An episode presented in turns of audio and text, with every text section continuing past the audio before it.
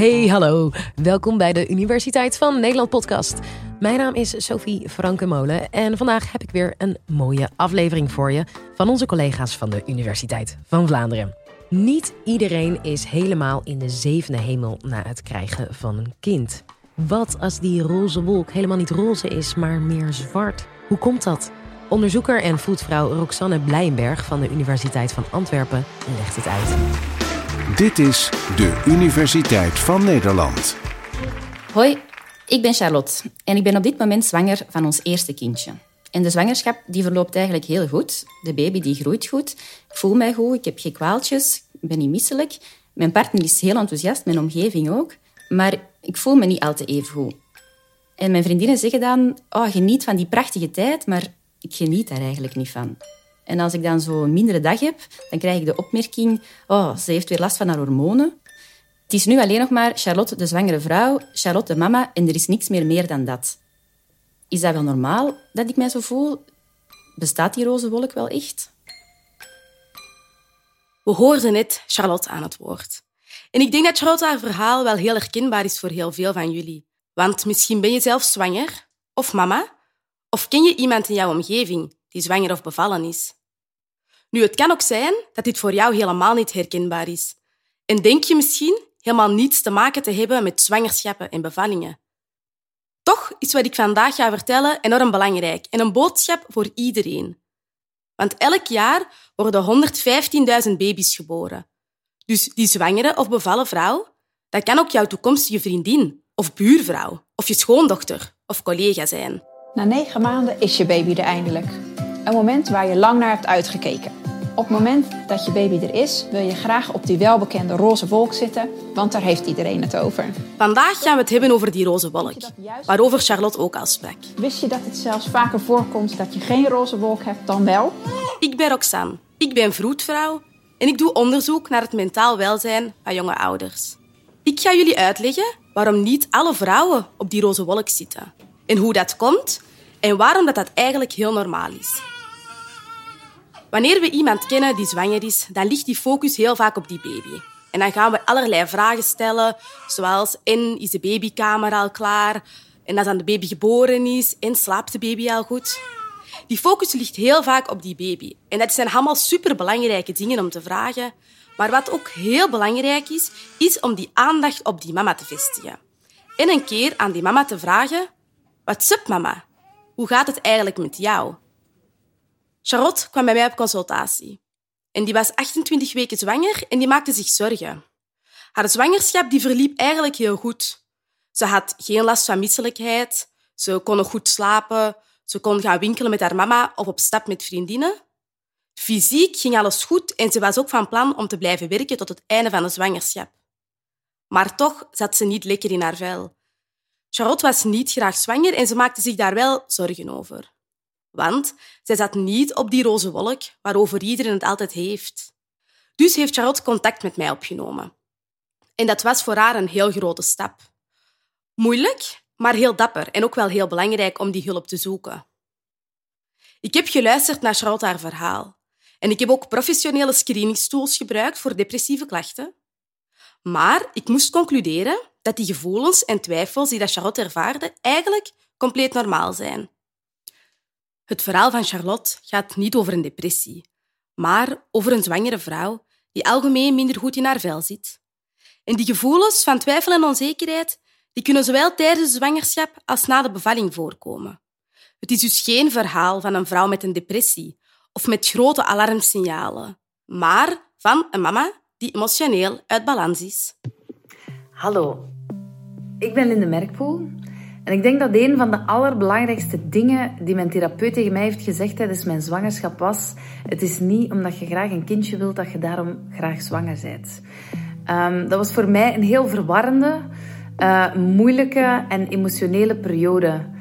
Ik had het gevoel alsof ik in de spiegel keek en mezelf niet meer herkende, zowel fysiek als mentaal was ik in de war en had ik het gevoel alsof alle controle en alle houvast van onder mijn lijf was weggemaaid gewoon.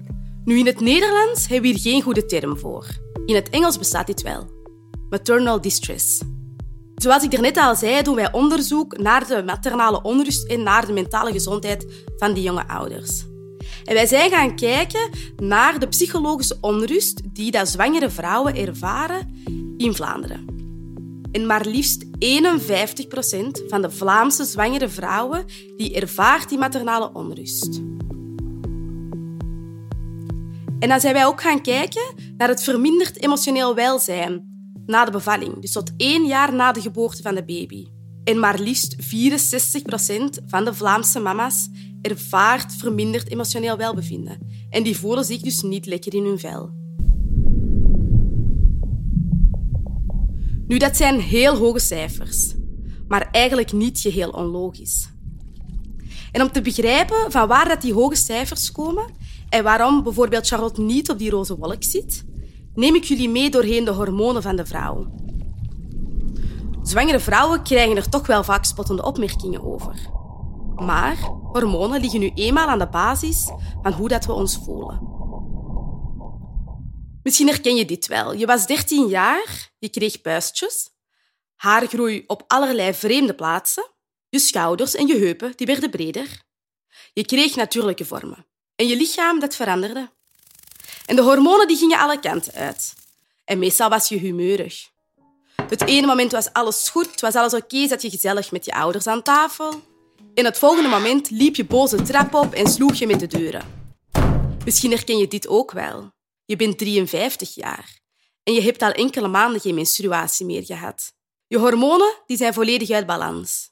Je ervaart vapeurs, je bent vaak vermoeid, je loopt ook wel wat kriekel rond. En misschien ben je wel enkele kilo's bijgekomen. Opnieuw, jouw lichaam verandert. Nu, heel gelijkaardige dingen gebeuren als je zwanger of bevallen bent. De hormonen die gaan door je lichaam gieren. En je lichaam, dat verandert. En tijdens de puberteit of de menopauze, dan vinden we dat heel normaal. Dat is geen ziekte, maar dat is een heel normale transitie en daar horen stemmingswisselingen bij. Maar als we zwanger of bevallen zijn, dan vindt de maatschappij dat opeens veel minder normaal, die stemmingswisselingen.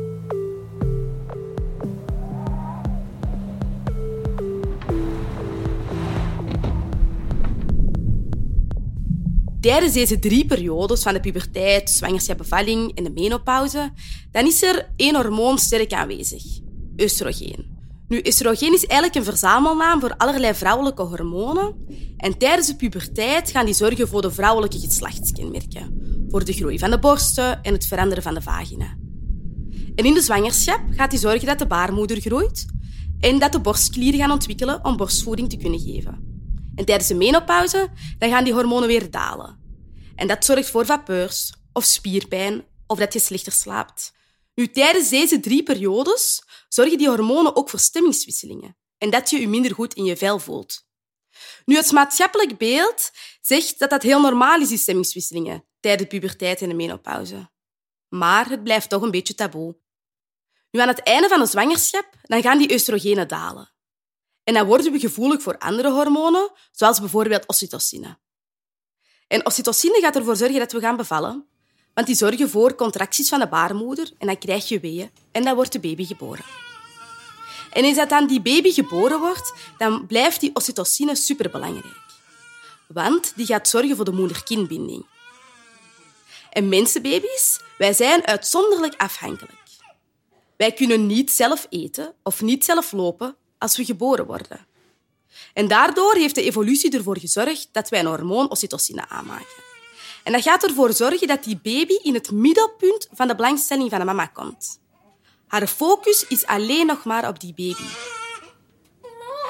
Maar daarnaast heeft zij ook haar eigen identiteit. Want zij heeft haar werk en haar vrienden en ook haar hobby's. En ook de relatie met haar partner. En die tweestrijd tussen de baby en haar eigen identiteit, dat vraagt veel van haar. En er zijn ook persoonlijke factoren. Want de ene vrouw zal echt op die roze wolk zitten maar de andere vrouw zal toch meer last hebben van die maternale distressklachten. En om dat verschil te begrijpen, neem ik jullie meer doorheen het diathesisch stressmodel. Nu gaan jullie denken, amai, waar begint die over? Maar eigenlijk gaat dat ons heel veel inzicht geven hoe mensen verschillend gaan reageren op stress. En waarom dus die ene vrouw wel op die roze wolk zit en de andere niet. Dus we hebben twee begrippen, diathesis en stress. En diathesis is de mate waarin dat je een kwetsbaarheid hebt voor het ontwikkelen van psychische klachten. Dat is heel persoonlijk voor iedereen anders. En dan heb je ook stress. En stress is een levensgebeurtenis, bijvoorbeeld het krijgen van een baby. En die combinatie die gaat bepalen in hoeverre dat die stress, het krijgen van een baby, impact heeft op jou en hoe dat je je voelt. En of dat je dus al dan niet op die roze wolk zit. Of een variatie daarvan. Nu, hoe kan je die stress gaan verminderen? Wanneer dat wij stress ervaren, dan gaan we copingstrategieën gebruiken.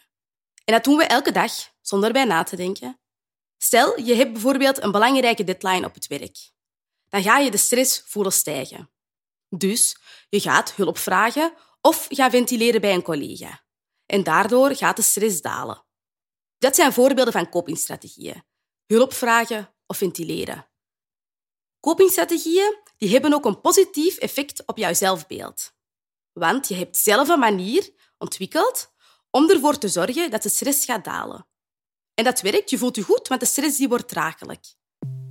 Nu, nog voorbeelden zijn steun zoeken, hulp vragen, ventileren en zelfs humor. Maar er zijn ook ongezonde copingstrategieën. En die gaan de stress ook verminderen, waardoor je denkt dat het werkt. Maar eigenlijk gaan die ongezond gedrag veroorzaken. Die gaan de stress gaan vermijden of gaan negeren. En op korte termijn zal het wel helpen, want als je de stress negeert, dan zal ze wel op korte termijn verlagen. Maar op lange termijn zal je alles opkroppen. Nu, voorbeelden van ongezonde copingstrategieën zijn ontkennen of middelengebruik, zoals alcohol en drugs en tabak, of afleiding. Of jezelf de schuld geven. Nu, in ons onderzoek zijn we gaan kijken welke copingstrategieën specifiek invloed hebben op die maternale onrust bij Vlaamse zwangere vrouwen. En diegenen die daar een positieve invloed hebben, zijn humor en positief herkaderen of aanvaarden.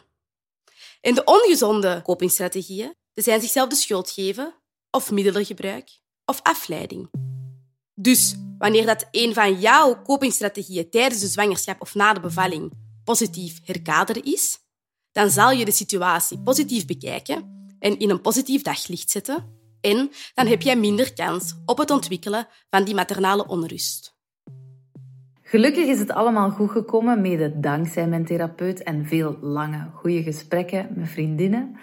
Maar ik heb wel beseft dat er nog een heel groot taboe rust over die uh, perinatale mentale struggles waar dat je toch vaak doorgaat als zwangere vrouw. Nu, na al dat onderzoek en die hoge cijfers, wouden wij graag iets gaan doen. Dus hebben wij een website ontwikkeld. En die zal vrouwen ondersteunen tijdens de zwangerschap of na de bevalling. En die heet WhatsApp Mama. Nu, jullie zien wel de link naar het begin, waarin ik ook al een keertje WhatsApp Mama aanhaalde. Als een superbelangrijke vraag om te stellen. En nu, uiteraard moet je dat niet letterlijk overnemen, maar het is wel heel belangrijk om te vragen aan die mama hoe dat zij zich voelt. En ook aandacht te hebben voor haar en niet alleen voor de baby. Nu, WhatsApp Mama is dus een gratis website beschikbaar voor iedereen. En op die website wordt een vragenlijst afgenomen. En die vragenlijst die peilt naar het emotioneel welbevinden van die zwangere of bevallen moeders. En die gaan ook de kwetsbaarheden vanuit het diathesis-stressmodel bevragen of de gebruikte copingstrategieën. En op basis van haar antwoorden krijgt zij persoonlijk advies. Gaande van hey, het is heel normaal hoe dat jij je voelt, tot Wij maken ons wel wat zorgen en we vinden het belangrijk dat je contact opneemt met een hulpverlener binnen de twee weken. En dan krijgt zij ook een lijst met zorgverleners uit haar buurt.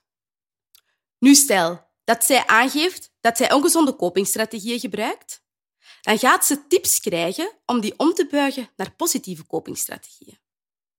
En dan wordt ze bijvoorbeeld doorverwezen naar de tabakstop-website of krijgt ze ontspanningsoefeningen als ze aangeeft dat ze piekert? Of kan ze ook concrete tips krijgen over hoe dat ze hulp moet vragen of waar dat ze die kan zoeken? Het is dus een tool voor iedereen. Voor diegenen die op die grijze of donkere wolken zitten. Maar ook voor diegenen die op die roze wolken zitten. En dan hebben jullie meteen een antwoord op de vraag: bestaat die roze wolk echt? Ja, die wolk die bestaat. Maar dus niet enkel in het roze, maar in heel veel kleurschakeringen. En het is dus niet abnormaal dat die voor jou niet roze, maar grijs is. En het kan ook zijn dat die vandaag roze, maar morgen grijs is. Dus ik zou aan iedereen willen vragen: heb jij iemand in jouw omgeving die zwanger of bevallen is? Dan willen jullie uiteraard alles weten over dat kleine babytje. Maar vraag ook eens: what's up, mama? Want voor heel veel mama's is het wauw, maar voor nog veel meer mama's is het auw, of een beetje van beide. Dus laten we deze periode van lichamelijke en hormonale veranderingen normaliseren. Want net zoals in de puberteit of de menopauze gaat ook dit voorbij. Laten we allemaal minder stigmatiseren en de sociale druk verlagen. Want niemand moet genieten van een zwangerschap of een baby. En aan alle mama's, praat met elkaar, want je bent niet alleen. Zoek steun bij elkaar, want meer dan de helft van de mama's ervaren dit. Laten we allemaal samen zorgen voor minder eenzaamheid. Maar is het meer dan het verhaal van Charlotte? Die zegt, ik ben niet zo heel graag zwanger of ik voel mij niet zo lekker in mijn vel. Is het meer dan dat? Zoek dan alsjeblieft professionele hulp. En praat met je vroedvrouw, psychologe, gynaecologe of huisarts. Dat was Roxanne Blijenberg. Hey, en vond je het een interessant college? Dan heb je geluk, want we hebben nog 400 plus afleveringen in de playlist staan. En er komen er elke week twee bij. Dus of je nou aan het werk bent, op het strand ligt of op vakantie bent, je raakt nooit uitgeluisterd. Tot de volgende!